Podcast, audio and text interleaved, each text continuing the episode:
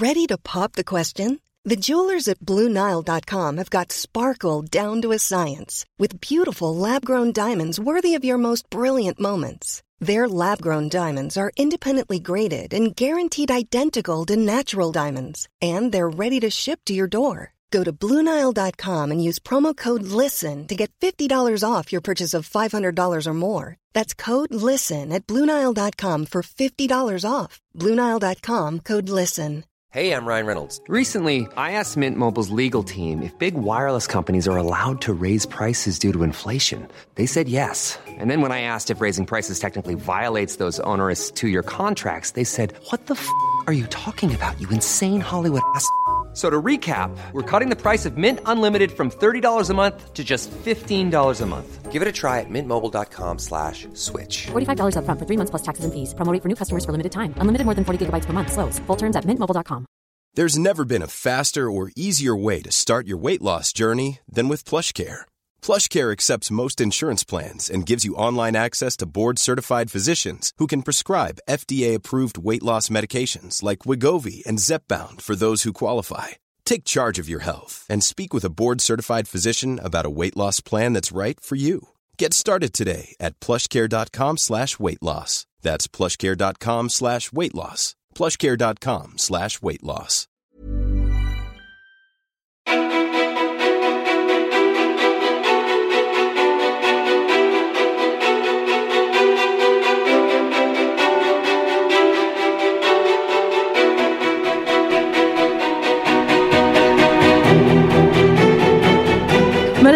Maria är kriminologen och författaren som gjort till sitt livskall att rädda så många barn som möjligt från övergrepp, trakasserier, hot och hat.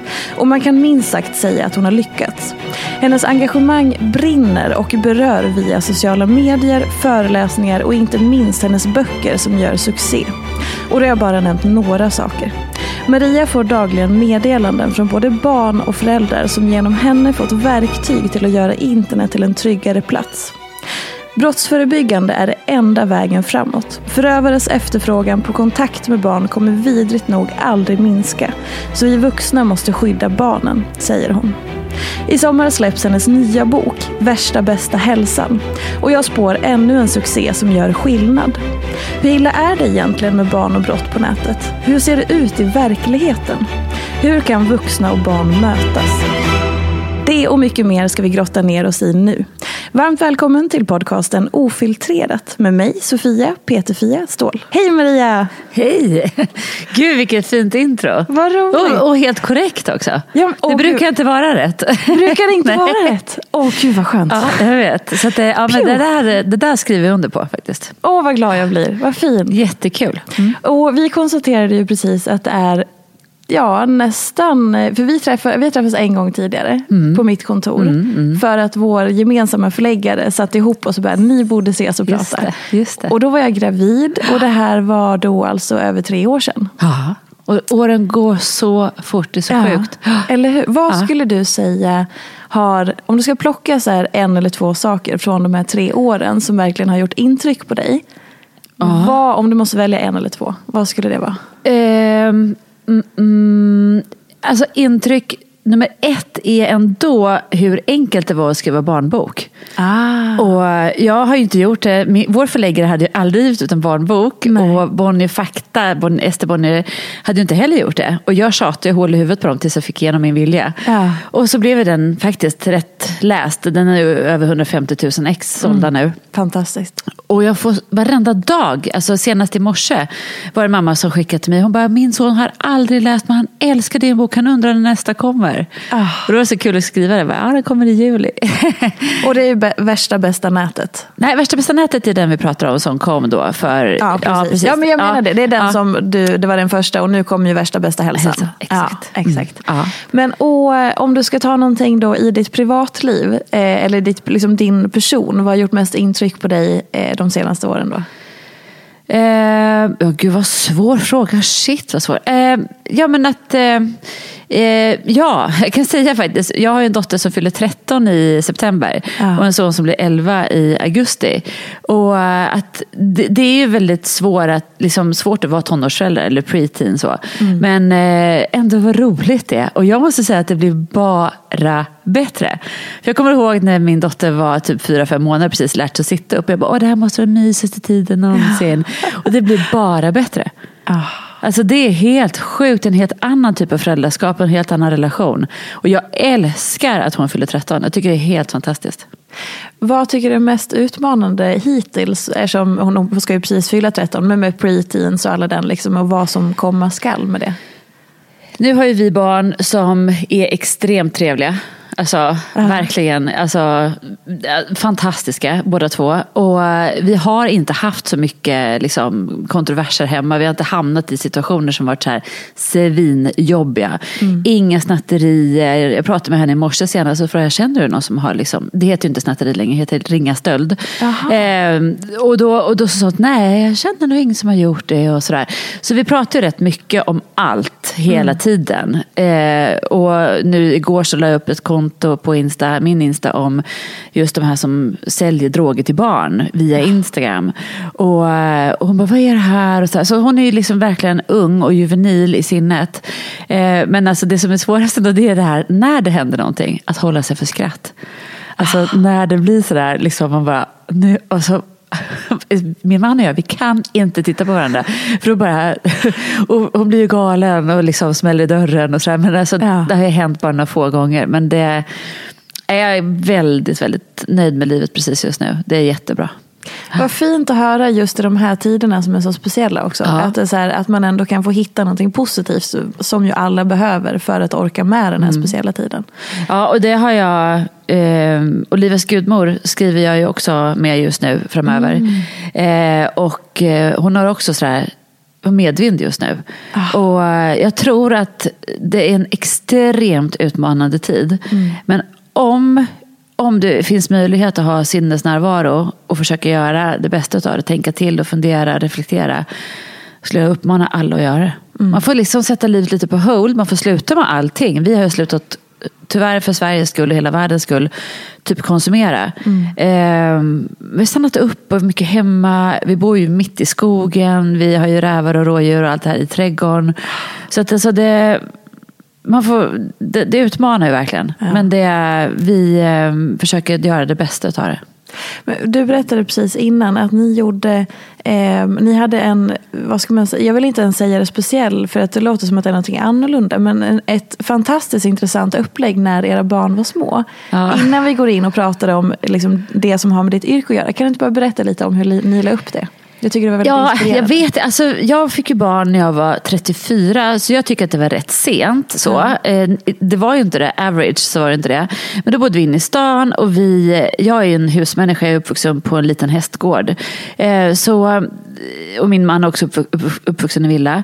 Men alltså vi ville verkligen inte bo i stan. Det var verkligen det viktigaste för oss. Och då hamnade vi på Ingarö och då köpte vi ett hus som vi hade råd med. Mm. Alltså vi kunde köpa huset och fixa det. Jämfört med att ha en lägenhet inne i stan så får man rätt mycket ute, ja. ute på, liksom, bara ute på Ingarö var det världens skillnad i pris. Och då var vi hemma med henne i två år. Eh, jag kan inte säga att vi inte arbetade, för det gjorde vi. Min man arbetade och jag arbetade. Vi var hemma typ så två och en halv dag i veckan. Men hon gick inte på förskola innan hon fyllde två. Mm. Och när hon fyllde två, typ en vecka innan hon skulle fylla två, så kom lillebror. Eh, och då blev det så att på den tiden så kunde man bara ha typ så 20 timmar på förskolan då med andra barn. Eller med första barnet fick gå 20 timmar. Så hon var ju hemma i princip i fyra år. Eh, och eh, sen efter det så har arbetet gått lite så här omlott. Eh, min man har jobbat, jag har jobbat. Eh, men vi har prioriterat Förut, alltså vi har jobbat när de har varit i skolan. Mm. Alltså så. Men vi har försökt vara hemma rätt mycket. Och, eh, vi har byggt hus och vi har startat bolag och skrivit böcker. Böcker skriver man ju, eller jag har ju inget kontor så man skriver det hemma. Ja. Och då har vi, eh, ja men vi har, nu när hon fyller 13 snart och han fyller 11, då, då har vi nästan vi har varit hemma nästan hela tiden. Det är så hemskt, men vår dotter har varit ensam hemma i huset kanske typ så fem gånger. jag vet.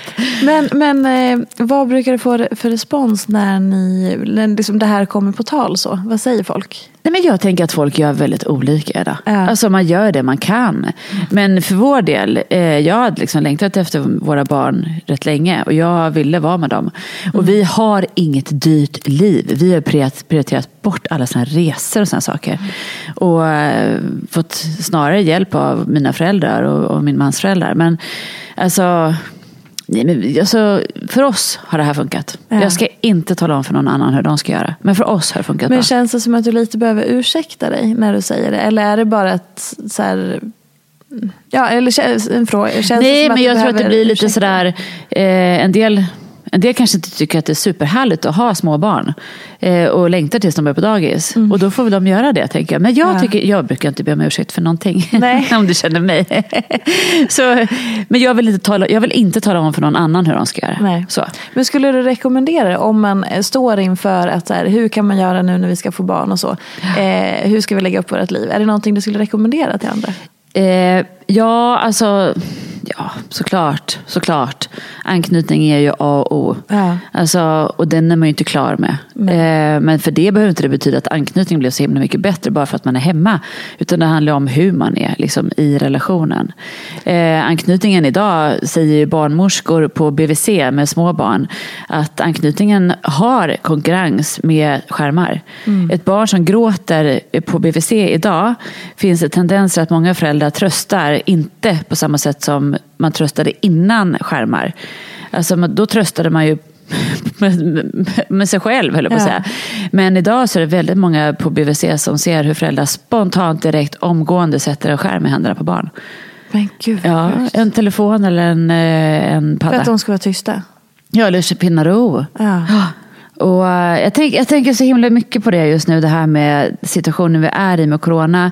Jag har ju suttit i många så Zoom, Teams, alltså meetmöten. Och jag hade ett större möte och då var det en eh, fantastisk kvinna som du borde ha här tycker jag. Ja. Ida Östensson. Hon hade haft, vad var det hon sa, fem, sex eh, Zoom-möten på en dag. Och hon bara, jag är helt deprimerad. För man blir så, det är så platt. Du och jag vi sitter och bekräftar varandra här nu. Jag ser att du nickar, jag ser att du stämmer in, du ler, dina ögon är med mig. Eh, alltså det blir ju inte det när man har de här digitala mötena. Det är en skitbra lösning. Alltså, men det är inte allt. Det kan inte ersätta. Och jag, det som stör mig mest, som jag har svårast för, det är att det är helt utebliven ögonkontakt. Jag har så svårt för det. Alltså. Ja. ja men och det blir, jag tycker bara, sen, alltså, alla gillar ju inte den fysiska kontakten, alltså man, att vi har en kultur av att vara ganska kramiga med folk vi inte känner, eller man träffas två jag gånger så kramas man och så. Ja. Alla gillar inte det. Men jag är en ganska fysisk person så att Mm. jag tycker att det är ganska härligt. Och jag har märkt att för mig så känner jag ett en, det är svårare att känna den här närkontakten när man träffar någon. Som du, nu när vi spra- så här, Mm. Ja. kom in och hälsade Ja. Mm. och började, jag vill ju krama dig för att känna att jag connectar med dig. Sen Ja. är ju det också såklart, jag har full respekt för att alla inte är så kramiga. Men jag kan också tycka att det blir en distans i det personliga Mm. Mötet tänker så, ja. också lite grann. För Sjukt att jag är van. Ja, sjukt bra reflektion. Men jag har ju jobbat du vet, i stödsamtal med barn Ja. som är utsatta för brott och barn som har begått brott och barn som har bevittnat. Ja. Och då kan ju inte jag utgå från att jag är kramig. Nej. Och därför så brukar jag du kommer kunna lära dig rätt mycket nu. Alla behöver Ja. lära sig. Ja. Alltså det här med att man typ visar att man vill kramas. Precis. Och så, bara, hej, du vet så. Och så kan man vänta där i några sekunder. Det är inte som att man missar en high five som kan bli Mm. så här asstelt. Utan det här är liksom att man får ändå ögonkontakt så får de välja. Ja. Och när jag hade avslutat samtal med dem och man skulle säga hej då kan det också bli så här stel situation. Ja. Och då kunde jag säga så här, nu känns det som att jag skulle vilja krama dig. Precis. Ja, och de bara, fast du får välja säger jag. Och då är det några som bara, "Ah, nej fan, du ah, tja, hej då, du vet så. Ja. Och man får verkligen, det blir ändå ett lite mer respektfullt avstämmande nu tycker jag. Ehm, men vad jag skulle säga det här med skärmen och platt. Jag tror att det här med interagerandet och barn, det är ju vissa, en annan kvinna du skulle ha här, Sissela Nattli, Ja. hjärnforskare som är med i min värsta bästa hälsan. Eh, och jag har ju hört henne tusen gånger nu och det är just det här med att hjärnan är ju öppen i vissa fönster under utvecklingen. Och det här med speglingsneuron, att man, liksom, eh, att man också tolkar den känslan jag har att den ska samstämma med omgivningens ansiktsuttryck och läsa av och koda in. eh, mimik och du vet man härmar du vet, med tungan och allt det här med munnen. Men det är så mycket annat små, så, så, så subtila nyanser i människans uttryck som går förlorat i en skärm. Ja, såklart. Så att jag, ja, det är en utmaning. Jag önskar att vi inte går tillbaka till det som var innan. Jag, kan inte vara, jag är ju inte en av dem som säger att jag vill ha det som vanligt igen. För jag vill inte ha det som vanligt. Jag vill att man ska gå vidare. Berätta hur du vill. Var, vad är det som gör att du inte vill att det ska bli som vanligt? Jag tycker inte att det funkar så bra innan. Nej. Nej. Hur då? Nej, men tittar man på miljön så miljön älskade ju corona. kan vi säga. Eh, alltså de här bilderna som de har tagit, eh, typ över Delhi, Peking. Alltså det är ju otroligt. Ja. Alltså. Så eh, också tänker jag att vi behöver ha en extrem diskussion kring det här med köttproduktion. Och äta djur, vilka djur eh, och hur. Eh, det känns ju som att det, det råder ohälsa kring sådana här eh, vad ska man säga, djurmarknader. Jag har ju varit på sån själv i Indonesien. Inte med döda djur, men alltså levande djur. Och det, ja, det är en annan djurhållning kan man säga. Ja. Det man, jag ska inte värdera det, men det är en annan djurhållning. Eh, jag ju, vi äter ju mest ekologiskt kött och all mat hemma. Vi äter, inte, vi äter inte griskött och inte så mycket rött kött heller. Men eh, ja, tänka till kring det där. Alltså på riktigt.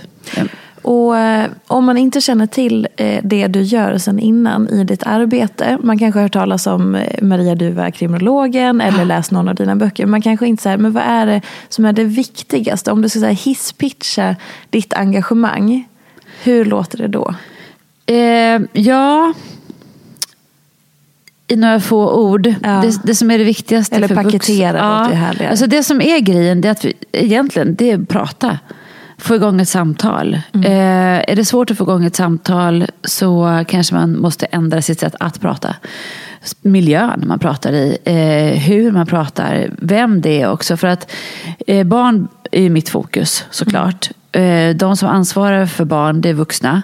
Skoltid så är det skolan som ansvarar. Och, eller inte ytterst, det är alltid vårdnadshavaren såklart. Men i alla fall när de är i skolans omsorg. Men eh, att man pratar om det som händer i barns liv. Jag kan tycka att det är att undanhålla livsviktig information om man inte pratar om det som barn håller på med.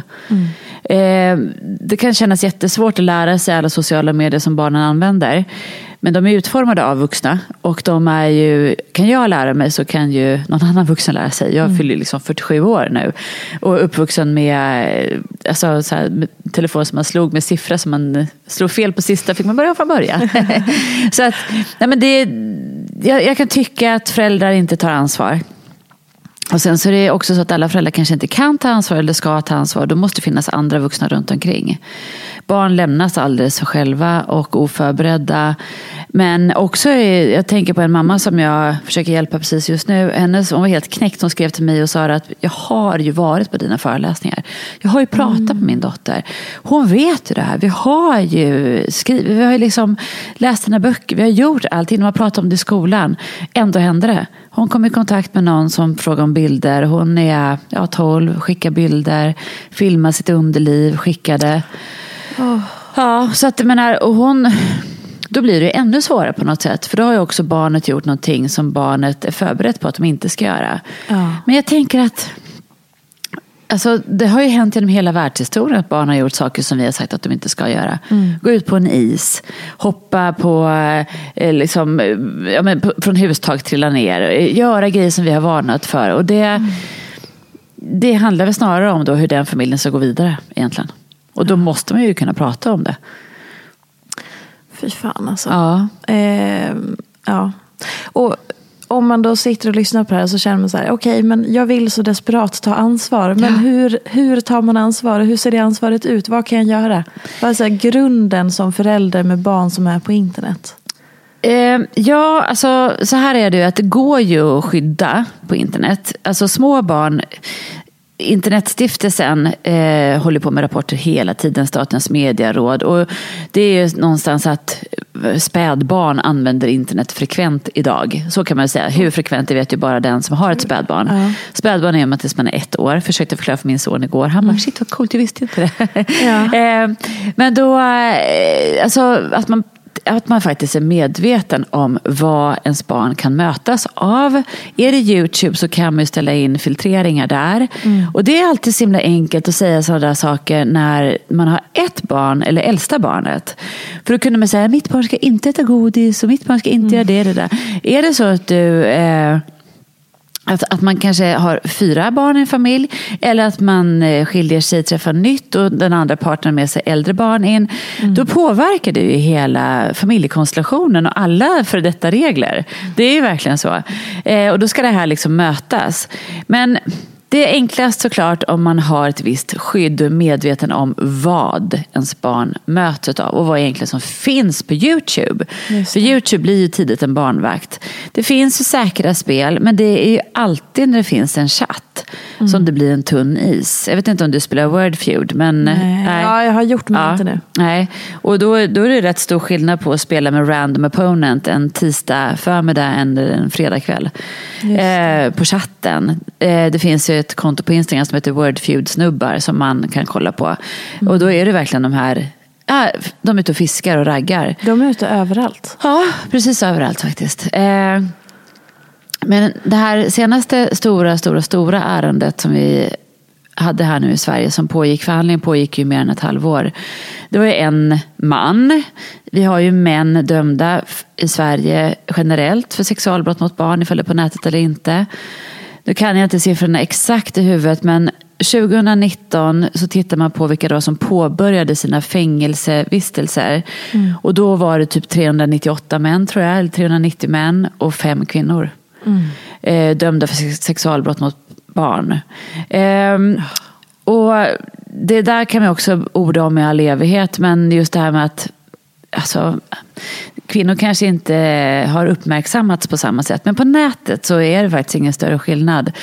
Eh, för där gör ju inte polisen någon skillnad på ifall det är, då vet man ju inte vad det är för kön på den mm. personen mm. som har utsatt genom kontot. Den här mannen från Hammarby sjöstad. Nej! jo. Ja, åh oh, fy fan. Jag undrar om jag läser det. Ja, ja, det är ju där jag bor. Ja, ja eh, född 1978. Han dömdes till fyra års påföljd det är tredje gången han kommer sitta i fängelse. För brott mot totalt 83 barn och de var i åldern 7 till 13 år. Och de har ju hängt på ett renodlat barnspel och faktiskt ett renodlat flickspel. Svenskt spel. Häst. Ja, ja. Star Stable. Farsor från Värmdö som drog igång. Oh, för många år sedan enormt spel. Hur många miljoner spelare som helst över hela världen. Skitroligt spel. Så de här barnen har då kommit i kontakt med någon som eh, de utgår från att det är en flicka i samma ålder. Typ. Ja, såklart. Såklart. Eller hur? Mm. Eh, den här personen har haft 14 olika konton och då tänker många så här, shit att inte Star Stable har tagit ansvar för det. Men jag vet inte hur många konton du har på Instagram? Hur många eh, har du glömt inloggen två, till? Två just nu. Ah, Okej, okay, du ser. Ja. Har du avslutat de gamla? Nej, jag har två aktiva. Ja, men, eh, ja, nej, jag har ett med hyperkonto för en kompis. Ja. Den är ju där bara. Ja, mm. exakt.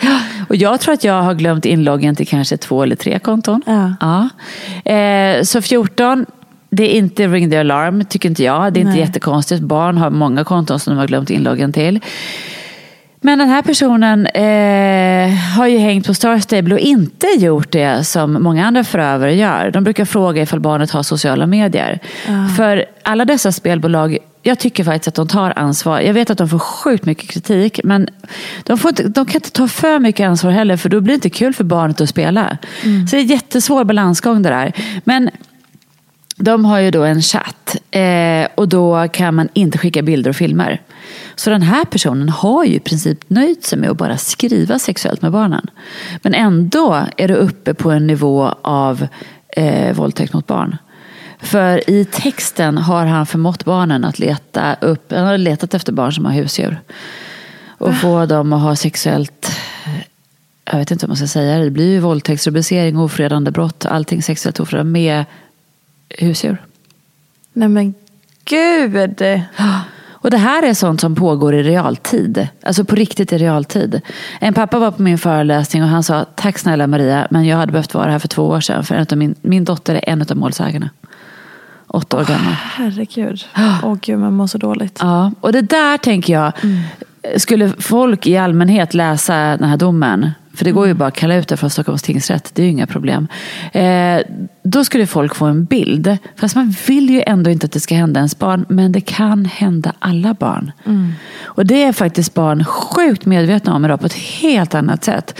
För bara för några år sedan så trodde de att ah, men det är bara flickor, det är bara, och det är ju inte så. Och då kan man lyssna på Sveriges, dok- Sveriges Radio har, ju, har gjort en dokumentärserie som heter Gamer som är skitbra. Jag rekommenderar verkligen alla att lyssna på den. Men det var precis som att det var en viss udda barn. Och jag kan säga att så är det inte. Det kan hända barn som eh, har föräldrar som är hjärnkirurger, som är trädgårdsmästare, barn som eh, äter ekologisk mat och alltså, eh, får spela hur mycket fotboll som helst. Det, kan, alltså, det finns ingenting som kan skydda barn förutom ett medvetande om att det kan ske och hur de kan vara smarta och noggranna. Och jag tänker brottsförebyggande arbete har ju ingen någonting att förlora på. Eh, Det finns en, eh, en podd som heter Över min döda kropp som är jättebra, Lena och Anna. Och de säger också så här att för de pratar mycket om det här att man ska vara förberedd, för de är poliser. Att man ska vara förberedd, för då funkar man så mycket bättre. Och jag tycker också det, att barn har rätt att vara förberedda, precis som i trafik och simma. Och att vi lär dem successivt att hantera det själva, åldersanpassat. Men nätet på något sätt vis, det har blivit som att man bara låter dem vara där. Man använder det som en barnvakt typ. Mamma ska Man är- träna lite nu. Man är så- alldeles för naiv. Ja, och sen tror jag att många, nej det händer inte mitt barn, det där man har läst om, man inte riktigt vet, man vill inte ta till sig av det. Och, och sen finns det de som tycker att jag är alarmist. Alltså på riktigt. Och bara, "Nej, det är inte så. Och man bara, men alltså. Men hur kan man Ja. veta det? Hur titta bara baklänges på, nej, jag vet, titta baklänges på fakta. Vi har ett sånt här åtal ungefär i månaden i Sverige. En dom i månaden på brott mot barn på nätet. Och det är alldeles för många hela tiden. Och du sa att han blir, alltså, åker in i fängelse för tredje gången. Ja, jag vet. Ja. Och hur länge har han då suttit inne innan? Vet Men du? det blir ju inte så. Det är inte så högt straffvärde på det här. Nej. Alltså, Det är ju det. Ja, det mäts efter hur... Och sen så, jag vet inte om man ska kunna vårda honom i fängelse heller, för han verkar ju bli återfallsförbrytare. Han är väldigt brottsaktiv. Eh, han drog igång med det här direkt efter att han eh, hade kommit ut från senaste vistelsen. Då började han ju leta efter barn direkt igen på nätet. Och det var samma, samma brott han var skyldig till innan? Ja, på en annan arena. Han har använt just ofta barnspel med en chatt. Det är dit han söker sig. Så jag kan ju tycka att eh, alltså, barn vill ju spela. Alltså, de älskar ju. Och, alltså, man kan ju verkligen lära känna sina absolut bästa kompisar. Och man kan ju lära känna sin kärlek. Jag brukar också fråga när jag föreläser. För det är från årskurs tre jag föreläser uppåt. Och så sitter lärarna där och alla som är vuxna som är med. För jag vill alltid ha med så många vuxna som möjligt. Alla fritids, alla kuratorer och alla ska vara med. Rektorn allihopa. Och så brukar jag fråga så här. Okej, alla vuxna här inne. Nu ska vi se. Vilket av er har varit på dejt med en främmande person på nätet? Och så får man räcka upp handen. Och de, alla barnen bara, va? Du vet så här bara, har rektorn varit på dejt med en främmande person på nätet? Men gud! Ja. Och så brukar jag fråga någon så här. Hur gick det för dig? Hur gick det för dig? Och då, då gick sådär. Så. Och här, för inte alls så länge sedan så var det en lärare hon bara, det vet ju ni, sa hon till sina elever. Ni vet ju hur det gick för mig. Jag är ju gift, jag är ju gravid. Ja. Med en polis som jag träffar på nätet. För det behöver ju inte vara dåligt överhuvudtaget. Och många barn säger så här, mina föräldrar har träffats på nätet. Ja. Alltså det är inte dåligt, utan det är det att när det, när det känns fel så är det ofta fel. Det som är obehagligast, nu kommer du få så mycket sanningar så att du kommer må dåligt över det Ja, här med det- mamma till Edis. Ja, jo men det gör jag ju absolut. Ja. Fy fan. Men jag, vill tänker på, det. jag tänker på så här. Vi säger att du och jag skriver lite. Ja. Bara lite så hej, hej, hej, hej, hej. Och så svarar vi hej, hej. Och så kanske vi inte kommer längre den dagen. Dagen därpå så skriver jag till dig och säger jag så här. Skicka en bild på din rumpa. Och du bara, eh, nej, verkligen inte. Då skickar jag en skärmdump på din Snapchat-karta där ringat in ditt hus eller ditt barns dagis. Där jag säger så här, skicka en skärmbild när du är naken, annars kommer jag hem till dig. När du är åtta år. Mm. För föräldrar tänker inte på det här med så här, eh, vadå spökläge på Snapchat-kartan? Vadå ställa in Snapchat-kartan så att man bara visar vad man är för sina bästa kompisar? Alltså, det är sjukt läskigt. Det var en kille i sexan, han bara, jag spelar asmycket med en kille på Fortnite, vi var jättebra kompisar. Och så frågade han ifall jag kunde adda honom på Snap. Och det första han skickade var en skärmbild, en skärmdump på mitt hus på Snapchat-kartan. Han bara, det var skitläskigt alltså. Fan, jag blev livrädd. Ja. Just det här med att adda vem som helst. Alltså, jag har ju jobbat så pass länge så jag vet att alla barn kommer inte hamna i det här. Det är så. Däremot så är det alldeles för ofta som barn hamnar där. Alltså det som är kritiska lägen för ett barn, uttråkade barn. Riktigt, riktigt uttråkade barn. Vad gör ett uttråkat barn? Så. Eh, ensamma, ofrivillig ensamhet, upplevd ensamhet. Man kanske inte alls är ensam. Men när man, eh, man, säga, när man sitter med sociala medier, man kanske är sjuk. Och så ser man på sociala medier hur roligt alla andra har det. Hur härligt alla andra har det. De postar bilder, äh, äh, äh, så här. Eh, det kan ju bli upplevd ensamhet för även en 45, 47-årig, eller 45 för länge sedan, 47-årig kvinna liksom, som inte är med i alla sammanhang. Ja. Eh, och sen också det här med bekräftelse. Bekräftelse har ju alla olika behov av. Eh, men de tre gemensamt, uttråkade, behov av bekräftelse och upplevd ensamhet. Du kanske börjar skriva med en främmande person. Du kanske gör saker som du hade sagt att du inte skulle göra. Du kanske berättar saker. Alltså, den här groomingprocessen som många efterfrågar, den kunde ju vara lång för. Idag kan den gå rätt snabbt. Alltså. För barn addar väldigt tidigt helt främmande personer. Fy fan.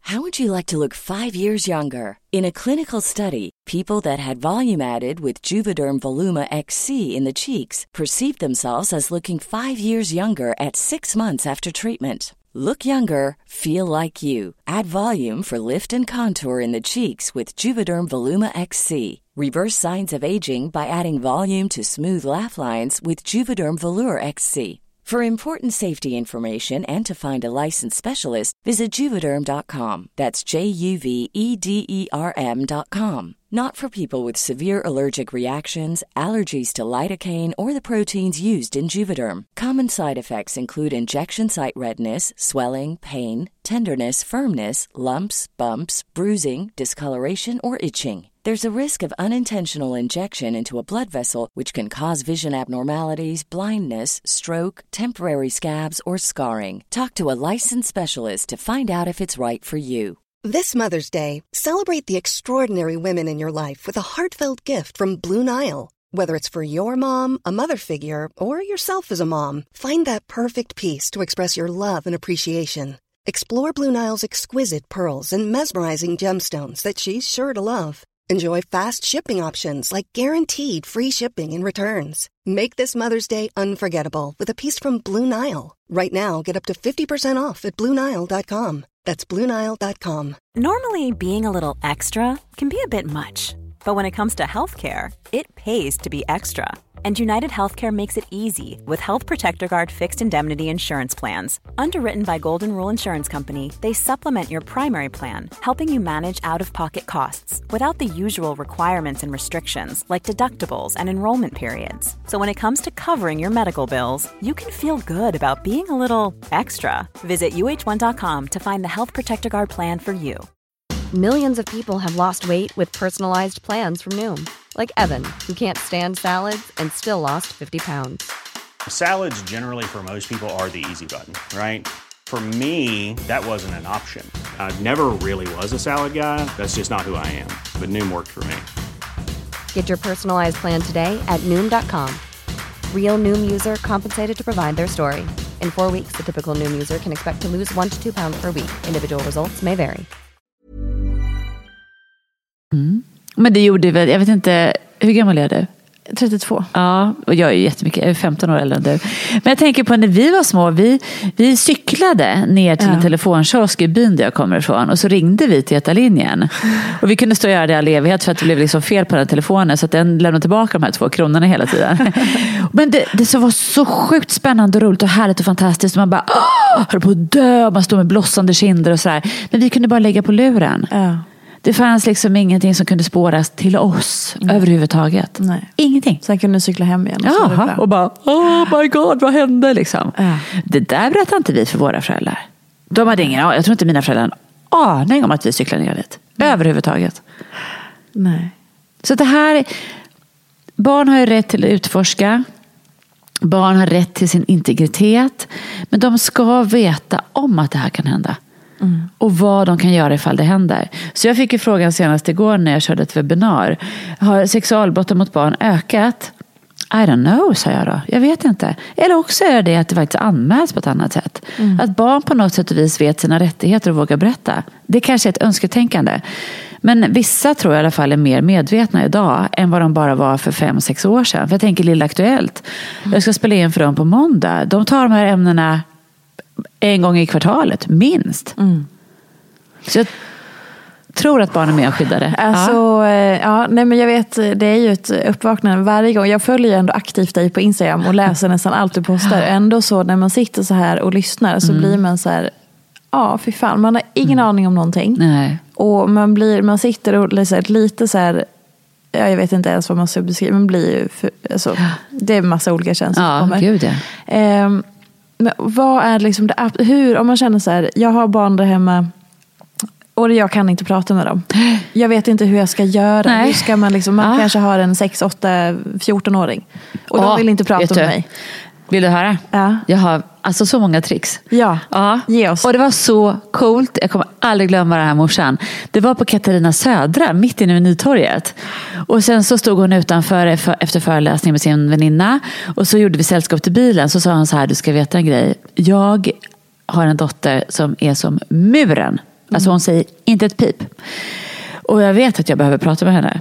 Och så hon visste att dottern ville ha en vlogg, du vet så här, på Ja. typ eh, Youtube eller ja, vart man ville ha den någonstans. Eh, och då sa mamma så här, jag tänkte till sin dotter, sa hon så här, tänkte vi skulle kunna öva på ifall du ska ha en vlogg. Och dottern bara, eh, va? Alltså sneglar på mamma och så bara, eh, va, va, va, vadå, tycker du att jag ska ha en vlogg? Fast hon blev så här sjukt glad fast hon kunde inte visa det. Snacka om så här riktigt teenager, liksom, på riktigt. Ja. Så mamma bara, nej men jag tänker så här, vad har du, vad har du för tanke? Liksom, så. Det var ju väldigt mycket mamma som pratade. Och vad har du för tanke om, vad vill du ha för content? Vad vill du liksom göra med din vlogg och sådär? Och det landade i att de i mörkret när flickan skulle gå och lägga sig, då fick mamman typ sitta på golvet inne i flickans rum och då fick de öva på att ha en vlogg.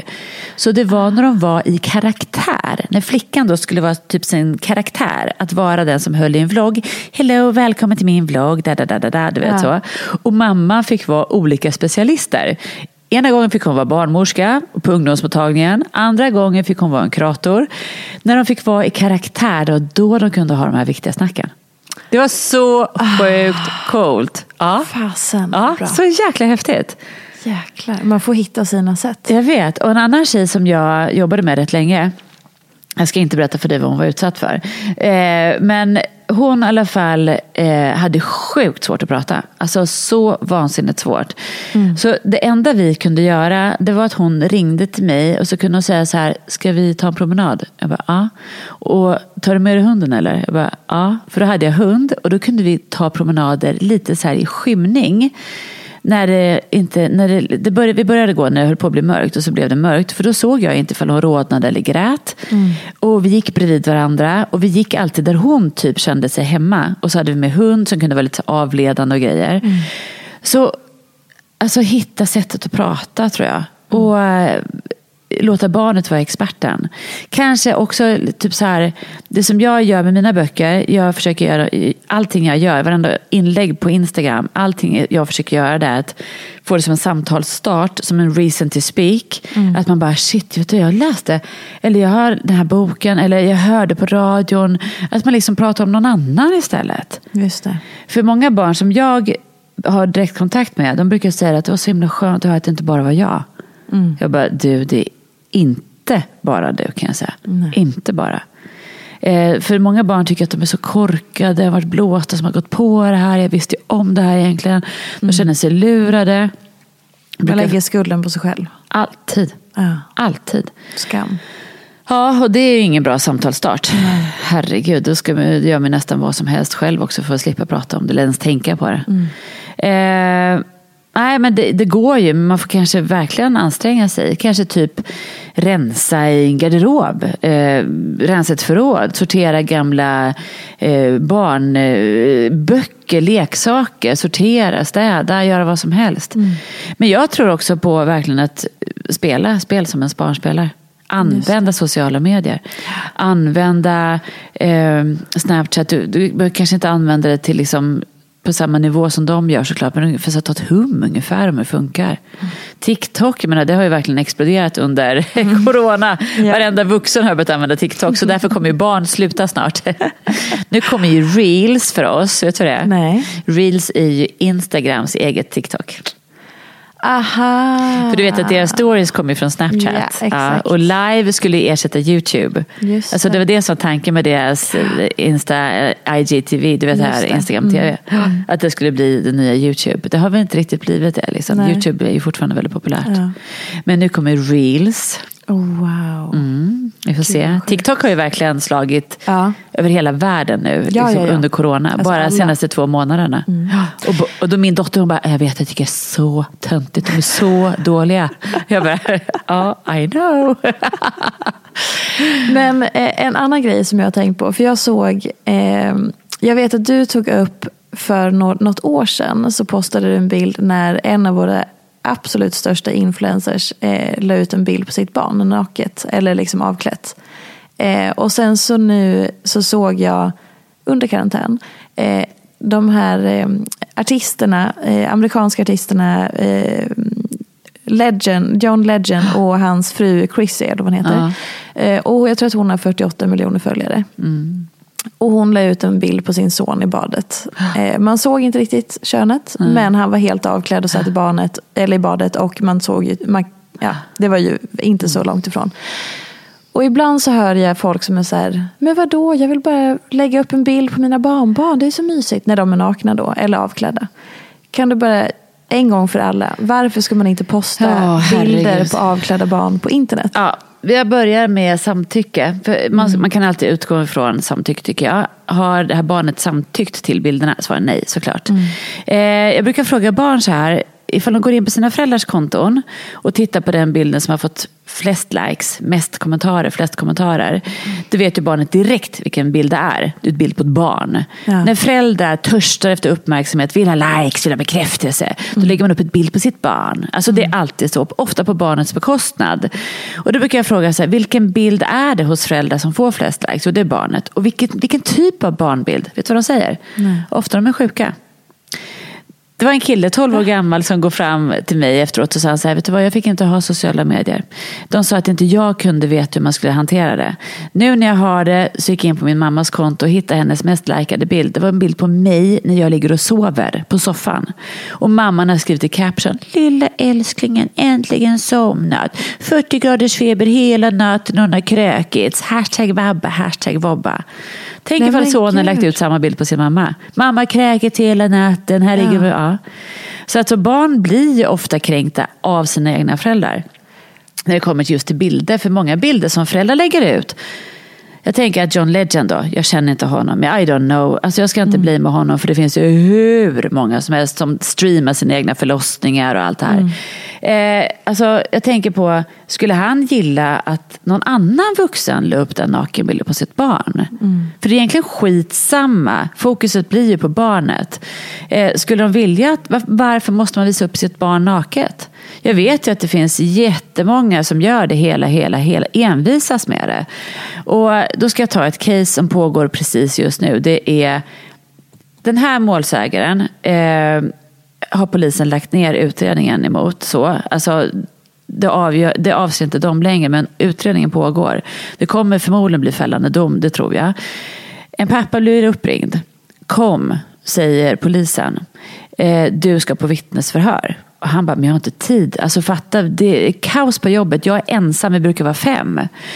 De bara, du måste komma. Han bara, men är det vittnesförhör? Ta det på telefon. Hur allvarligt kan det vara? Gäller mina barn eller? Och de bara, ja. Han åker in. Han får på två papper, två A4-papper, identifiera bilderna på... Han vet inte hur bilderna ser ut. Han tittar, de blir upp och nervända på bordet framför honom med polisen. Polisen säger identifiera. De vänder på papperna och det är bilder på hans egna barn. Eh, hans egna barn i vanliga Facebook-bilder. Bilder från hans exfrus konto. Eh, vad är det för bilder? Jo, de har precis sprängt en sån här som man i kvällspressen brukar kalla för nätpedofilring eller nätpedofilhärva. den största huvudmannen i det här råkar vara en av familjens absolut närmsta käraste vänner. Nej. Han har letat efter bilder på barn. Det är inte alltid att man vet vilka bilder de vill titta på. En del vill bara ha bilder på barn. En del tar ansiktet och klipper ihop med andra kroppar. En del byter ut eh, bilderna på barnen och sitter och äter glass. Då byter de ut det till någonting annat. Nej men gud. Ja. Ja. Eh, och jag har ju sett eh, klipp, jag har sett eh, alltså utklipp ifrån just sådana här när polisen har sprängt så darknet-härvor med just övergreppsmaterial på barn. En del vill inte titta på övergreppsmaterial, en del vill bara titta på barn. Och då kan det vara smygfotat från stränder eller just klassiska skrytbilder när föräldrar lägger upp bilder på sina barn i bikinis eller rumpbilder på semester och så här. Eh, och hur de skriver om de här barnen, alltså i kommentarsfälten. Det är så vedervärdigt och jag vet att det finns de, jag vet verkligen, jag vet ju det för att jag blev taggad i ett inlägg som Bingo Rimér hade gjort på sin son. När han står naken i en dusch och då var det någon som hade taggat in mig där. Jag brukar verkligen inte liksom ha jag brukar inte gå in i diskussioner om det här. Föräldrar får göra vad de vill. Men man ska vara medveten om att alla bilder som man lägger ut tillhör ju alla. Och eh, Jag vet inte om man själv som förälder kanske skiter i det. Okej, det finns pedofiler. Jag skiter i det. Fuck it. Det här är mitt barn. Jag ska kunna visa upp mitt barn. Men vill verkligen barnet det? Alltså vill barnet verkligen bli filmat, uppvisat hela tiden? Alltså man måste ställa sig den frågan. Jag, jag blir så ledsen över föräldrar som känner att, jag tänker på hon Gwyneth Paltrow. Det var hon som på sätt och vis då råkade typ mynta det här begreppet sharenting. Att man blir en bättre förälder om man visar upp sitt lyckade föräld- föräldraskap. Och hennes dotter Apple, när de satt i liften och skulle åka skidor, de hade hjälm och goggles, så att de syntes ju inte ens. Och mamma tar en bild och lägger ut det på Instagram. Och Apples kommentar blir då, du vet mamma att du ska inte posta bilder på mig utan mitt samtycke. Just det, den blev viral. Ja, gud ja, Ja. att den blev. Ja. Jag, tycker, jag brukar följa rätt många så här stora eh, konton som, eh, eller jag brukar inte följa att jag tittar på dem ibland. Och jag tycker mig se att barn runt 8, 9, 10 när de börjar bli medvetna, att de ofta inte vill vara med. De tittar bort, de höjer handen, ta bort mig, sluta mamma, lägg av, du ska inte filma mig. Och då är det många föräldrar som säger, "Ah, det enda barnet man får filma är den minsta bebisen som ligger i vagnen. Men varför måste du visa upp ditt barn hela tiden? Duger inte barnet ifall du inte får andras bekräftelse? Eller vadå? Det är väldigt intressant. Ja, men det man måste bara fundera på det. Lisa. Exakt, verkligen. Jag lägger upp bilder på eh, mina barn, kanske någon gång ibland. Men det brukar vara bilder där jag själv är med, för jag vet att det är svårt för de där som håller på med bilder och att titta på en 47-årig tant samtidigt. Och så brukar jag ha typ nej men du vet, en cykelhjälm eller ridhjälm eller att de har kläder. Och framförallt att jag frågar ordentligt innan just. Men eh, jag är jäkligt noga faktiskt. Ja. Ja, jag lägger ju upp eh, eh, Edith är med ibland i stories. Eh, Ja. Och sen ibland någon bild, ofta där jag också är med. Ja, är och aldrig avklätt. Eh, men jag känner ju också att så här, det är hela tiden en avvägning. Och i peri- det går i perioder där jag har henne mindre med. Och sen ibland så börjar jag, jo men det här var roligt. Och sen, vänta nu, är det här... Alltså, för, Men för vems känner skull tänker jag man måste ja, fråga men det är sig. också det. Och man kan Ja. alltid bli bättre. Man kan Ja. alltid skärpa till sig. Och man kan alltid liksom, nu vet jag också att det är många in, av mina influencerkollegor som får ju barn just nu. Mm. Eller bebisar. Eh, och, och det har varit en trend att man så här, följer barnets utveckling i detalj. Ja. Så här, ja, men det här kan min bebis göra, så här går det och så vidare. Jag säger inte att det är fel. Eh, jag, är bara så här, jag valde att inte göra någonting sånt Nej. med mitt eget barn. Eh, för att det blir så mycket information som ska liksom ut där på något Mm. Men jag tänker så här att min dotter älskar ju Arnold, Margot Ditts Ja. unge. Hon Ja, älskar ju honom. Men jag tänker också så att det blir liksom på något sätt och vis hennes businesspartner från, från start. Alltså Mm. Verkligen. från det att han föddes. Ja. För det var väl ändå i och med det som hon egentligen blev känd. Ja.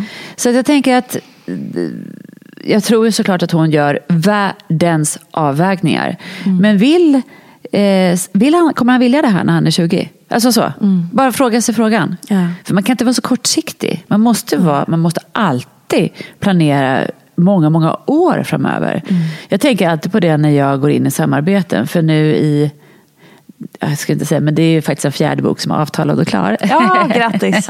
Mycket bra. Ja, och den kommer i augusti 2021. Och Ja. då har vi några partners i det. Precis som jag har i Värsta bästa hälsan så har jag ju Sissela Nattli, Martin Lossman, Christian Benedikt, Karin Gunnarsson. Jag har ju alltså partners och då tänker jag så här, de här måste man kunna leva med i många, många år.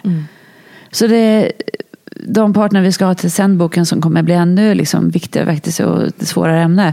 Det, det är ju for life faktiskt. Det är så. Ja, och då, och då tänker jag att man måste vara långsiktig i det man gör. För att allting som du postar nu, det kommer du ju kunna recapas i om 20 år. Exakt. Och om man nu har lyssnat på hela det här avsnittet och Ja. känt att så här, åh gud, jag har fått med mig så mycket och jag vill göra så mycket gott för mitt barn. Men Ja. jag vill också, man vill göra gott liksom, och man blir så berörd av allt du berättar. Mm. Så här, var kan man börja någonstans? I, så här, var kan man titta eller vad ska man tänka på eller bara börja? Jag tänker så här. Eh, jag tänker att du har rätt mycket olika varianter, många olika varianter av följare och lyssnare. Eh, man behöver ju inte ha egna barn för att ta till sig av det här. Man kan ha syskon, man kan ha kusiner, man kan ha gudbarn, man kan ha tusentals anledningar att prata med barn. Och det bästa är ju bara att få igång snacket. För att jag kommer aldrig glömma den här tjejen som satt, vi ha, jag hade ju faktiskt precis så här samtalsrum som vi sitter nu, såg det ut typ på mitt rum. Eh, och alltid så här med stolar. Och då så sa hon så här, hon bara, Shit vad du är konstig. Det känns som att du är på riktigt intresserad av det här. När jag pratar, för på den tiden var det mycket så här kick och ask och alltså de här gamla varianterna. Du kommer ihåg Lunarstorm, Playhead, eh, Ja. ja. du vet, bilddagboken och allt det här. För du är uppvuxen med på ett annat sätt. Men jag tror att många vuxna inte är det. Är man sen i så här perfekt ålder som man är typ så här 25, för då har man med sig sin egen uppväxt, egen prägling av ens eget liv där. Men att man är nyfiken. Att man på riktigt visar intresse. När min son ropar på mig, kom du måste kolla för han håller på att verkligen lära sig flera olika typer av volter i studsmattan. Jag kollar på honom när han gör volter. När det är en fotbollsmatch, vi hejar på. Men när han gör mål, eller när han gör mål, ja just i Rocket League tycker jag inte är så kul. Men just när det har kommit till Fortnite, han får inte spela det egentligen enligt ålder. Men han har öppen dörr och vi står där. Då brukar han ropa när det är tre kvar när han spelar på solo. Han bara kom, kom, kom. Och så får vi stå bredvid och heja på. Och vi, gör, vi ser exakt vad han gör. Jag vet precis hur det funkar. Lika mycket som i fotbollen. Alltså att man är närvarande. Nyfiken på ett sunt sätt. Närvarande. Men, helt ärligt, blir du orolig, agera. Agera. Och hur agerar man? Då får du ju säga till ditt barn så här, vet du ärligt, jag ska vara ärlig med dig nu. Jag är din vårdnadshavare. Det här är mitt ansvar. Vem är det som äger telefonen? Jo, det är oftast en vuxen i familjen. Barn äger väldigt sällan sin egen telefon och har ett eget abonnemang i sitt eget namn och betalar räkningen. Det är du som är ansvarig. Mår ditt barn dåligt och blir utsatt för brott, mår ditt barn dåligt och utsätter andra för brott så kommer du ändå bli involverad som vuxen. Så är det bara. Och då om man tänker så här, ah, men det var väl inte så farligt, det här kan ju inte vara ett brott. Och vad det nu kan Men det vara. är Alltså, skitsamma. Det där är en väldigt bra fråga för övrigt. Eh, man behöver ju inte vara säker på att det är ett brott man anmäler. Man anmäler en händelse som känns fel. Just det. Eh, och det är så här att det är bara en enda anmälan som behövs. För att polisen sen ska kunna börja jobba i ärendet och kunna identifiera andra barn. De här 83 barnen vi pratade om i Star Stable-härvan. Där var det ju alltså en förälder, ett föräldrapar som hade anmält vad deras dotter var utsatt för. Och sen börjar polisen nysta. Man hämtar hårddiskar, man hämtar telefoner. Den här personen hade också begått brott på sin mammas dator i norra Sverige. Ja. Så man hämtar in alla varianter av hårddiskar som finns. Oftast brukar det faktiskt vara att man får hämta jobbdatorn. Jobbdatorn brukar ju vara nerlusad med massa skit. För att man inte vill att någon i hemmet ska kunna gå in på samma dator. Ja, alltså det, man kan bli helt chockad över det. Men jag har en person, eh, en, eh, en, eh, en person som berättade för mig att på hennes jobb så hade en person som jobbar som psykolog kollat på porr på arbetstid. Det är också därför som man kan sätta in så mjukvarufilter, att det går eh, larm till arbetsgivaren. Det Men, finns ju, och då blir ja. man så här, den här personen tar hand om människor som mår Ja, dåligt du i sin psykologgrad. Ja, dem men jag tror att det, allt. Ja, och det är så viktigt att säga det igen. Alltså, det är de vi minst anar. Det Ja. finns inget facit för hur Nej. en förövare ser ut.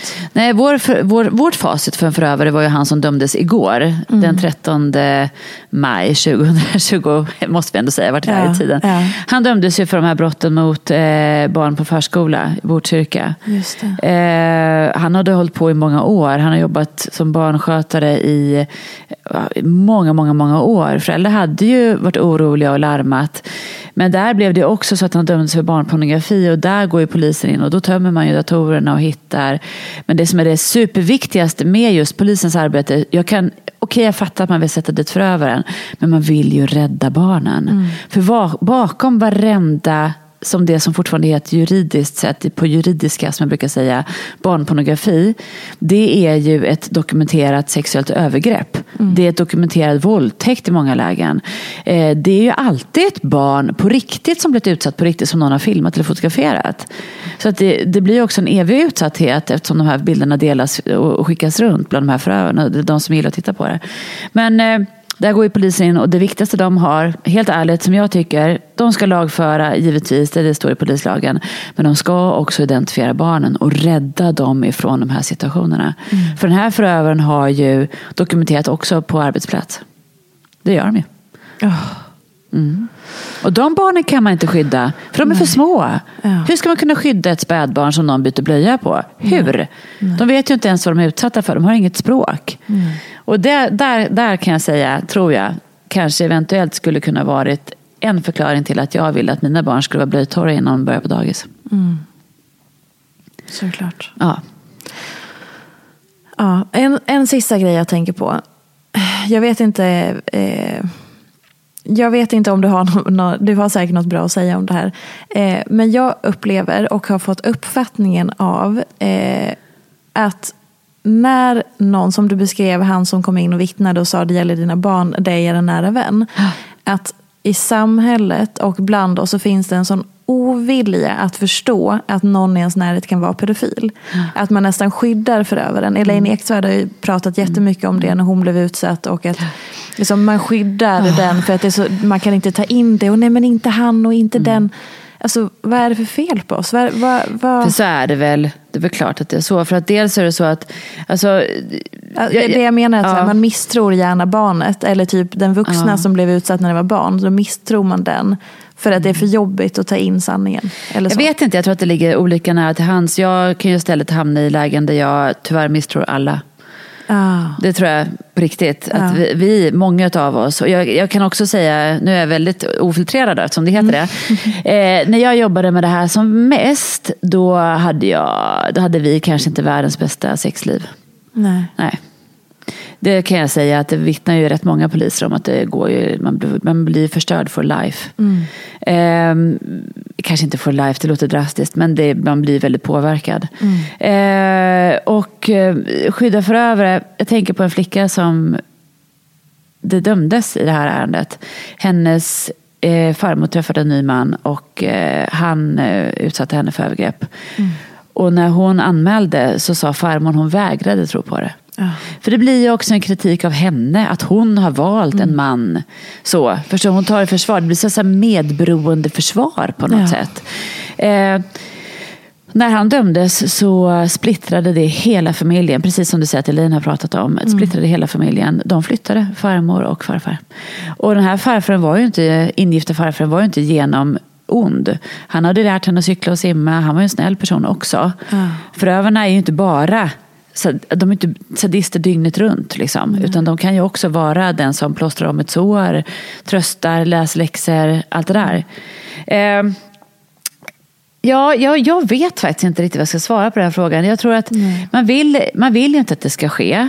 Eh, och jag tänker på att en del tar till sig av, en del läser ju inte nyheter för det är så mycket tråkiga nyheter. Jag vill inte läsa nyheter så.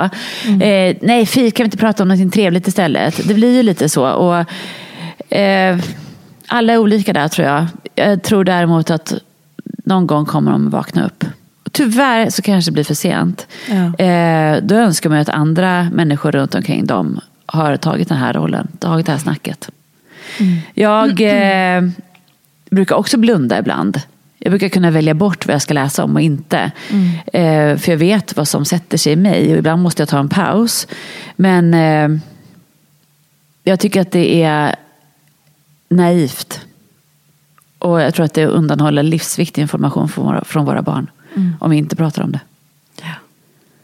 Ja, nej, det är, ja, man vet inte hur man ska hantera hela den biten.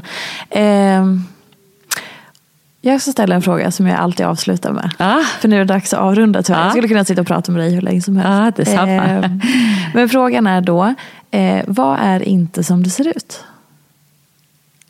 Vad är inte som det ser ut? Väldigt bred fråga. Tolka hur du vill. Eh, ja, käre gud vilken svår. Jag tänker så här, såklart direkt går man in på Instagram och bilder men sen samtidigt finns det de som verkligen visar upp det verkliga. Ja. Och nu finns det någon studie som är gjord att vi följare, vi som tittar, uppskattar mer det här verkliga content. Ja. Alltså, så. Jag, tycker, jag lyssnar ju verkligen jättemycket alltid på Carina, Carolina Gynning och Carina Berg. Jag tycker Ja. att de är så jäkla roliga. Och Carolina Gynning har ju räknat ut att hon har lagt, jag vet inte vad det var, ifall det var typ så här 300 200-300 000 på botox. Åh jäklar. Ja, och nu har hon ju slutat med det helt och hållet. Och hon tycker själv att hon är mycket finare. Ja. Så, eh, men det blir ju alltid det här svåra att svara på. För det blir som att man inte ska låta någon hålla på med sådana grejer. Var går gränsen för skönhetsreglering? Är det tandställning? Ja. Eller vita, eh, tandkräm som ger vitare tänder? Men rätt mycket är väl inte som det ser ut. Men det har väl alltid varit. Korsetter, operera bort revben, höll på att säga. Eh, jag ser ju inte heller ut så här när jag vaknar. Nej. För då hade du inte velat ha mig här. Säger du? Det vet man inte. Det hade jag visst. Nej men, ja, nej men ingenting tänker jag. Alltså Ja. min hund, jag klippte ju henne precis i coronatider. Jag fick ju klippa henne själv. Hon ser inte heller ut så som hon borde se ut. Nej. Nej jag vet inte, vilken svår Men, fråga. ja, nej, men det är väldigt roligt för att eh, alla tolkar den på extremt olika sätt. Ja. Ehm, och det var intressant att du, du hamnade i så här, yta någonstans. Utseende, yta och liksom verklighet versus det fixade och så här. Ja. ja, väldigt intressant. Mycket spännande. Det kanske säger en hel del om mig, Jag vet inte. eller hur? Kanske. Ja. Okej, eh, din bok Värsta bästa hälsan, Ja. den kommer i juni. Juli, slutet av juli. Ja. Mm. Jättebra. Och den måste ni då gå och köpa. Återigen en eh, målgruppsbok, 9-12. Ja. Men jag, jag vet att Värsta bästa nätet har lästs av sjuåringar ihop med syskon och av de som går i sjuan. Och man hittar ju det på Instagram, Maria Duva. Med Ja. D-U-F-V-A Ja, ska precis. tilläggas. Så följ Maria där. Och om man vill ställa någon fråga kan man göra det i DM eller. Oh, eller ja. så. Ja. Gärna, för jag, jag brukar posta dem. Jag repostar dem Just alltid det. Mm. med samtycke, anonymt. Jättebra. Eh, ifall de vill det. Eh, och det, eh, det är enda sättet vi ska lära oss. För vi sitter här allihopa tillsammans. och nu när jag går härifrån ska jag posta ett tips som jag fick, precis fick när jag kom hit. För då har faktiskt, jag visste inte det här, men App Store Ja. gör tydligen artiklar. Visste du det? Nej. Nej. Eh, Så de i sin App Store-lista där, Ja. då, då finns det artiklar insprängt. Och då finns det TikTok för föräldrar. Nej, vad bra. I know! Gud vad bra. Och jag har läst hela artikeln. Den är bra. Och det man kan säga är väl också att om alla appar så kan man väl alltid reglera inställningarna i alla appar och då ska jag barn. säga att det bästa man kan göra är att göra från början. Inte Ah. gå in efter tre år på TikTok och göra om det. För då tappar man liksom hela sitt flöde.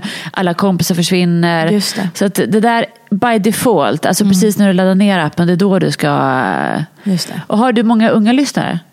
Ja, jag inte, kanske inte Nej, men jag tonåringar. tänker på att du har eh, många 19, med- 18, 20. Jo, det är för sig det är ju tonåring, 18. och de men, som ja. håller på att få bebisar pratar du Ja, också om. ja. Det finns ju safea, eh, det finns verkligen safea spel nu. Mm. Childhood har gjort, eller för deras eh, Mm. välgörenhetsorganisation så har de gjort eh, Chest Quest. Mm. Ett roligt spel utan chatt för små barn.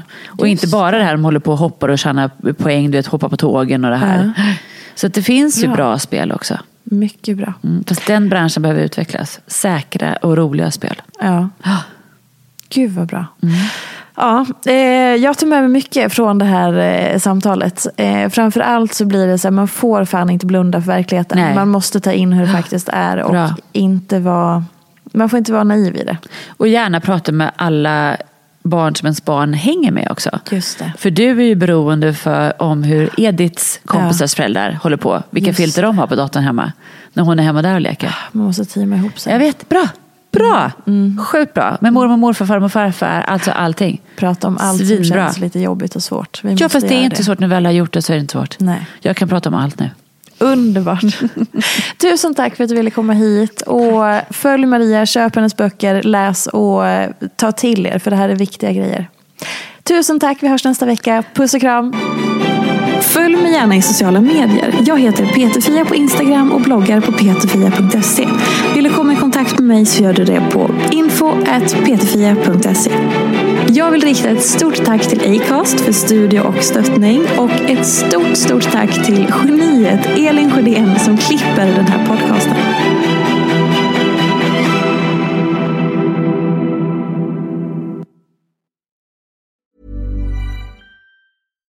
Deserves the best, and there's no better place to shop for Mother's Day than Whole Foods Market. They're your destination for unbeatable savings, from premium gifts to show-stopping flowers and irresistible desserts. Start by saving 33% with Prime on all body care and candles. Then get a 15-stem bunch of tulips for just $9.99 each with Prime. Round out Mom's menu with festive rosé, irresistible berry chantilly cake, and more special treats. Come celebrate Mother's Day at Whole Foods Market.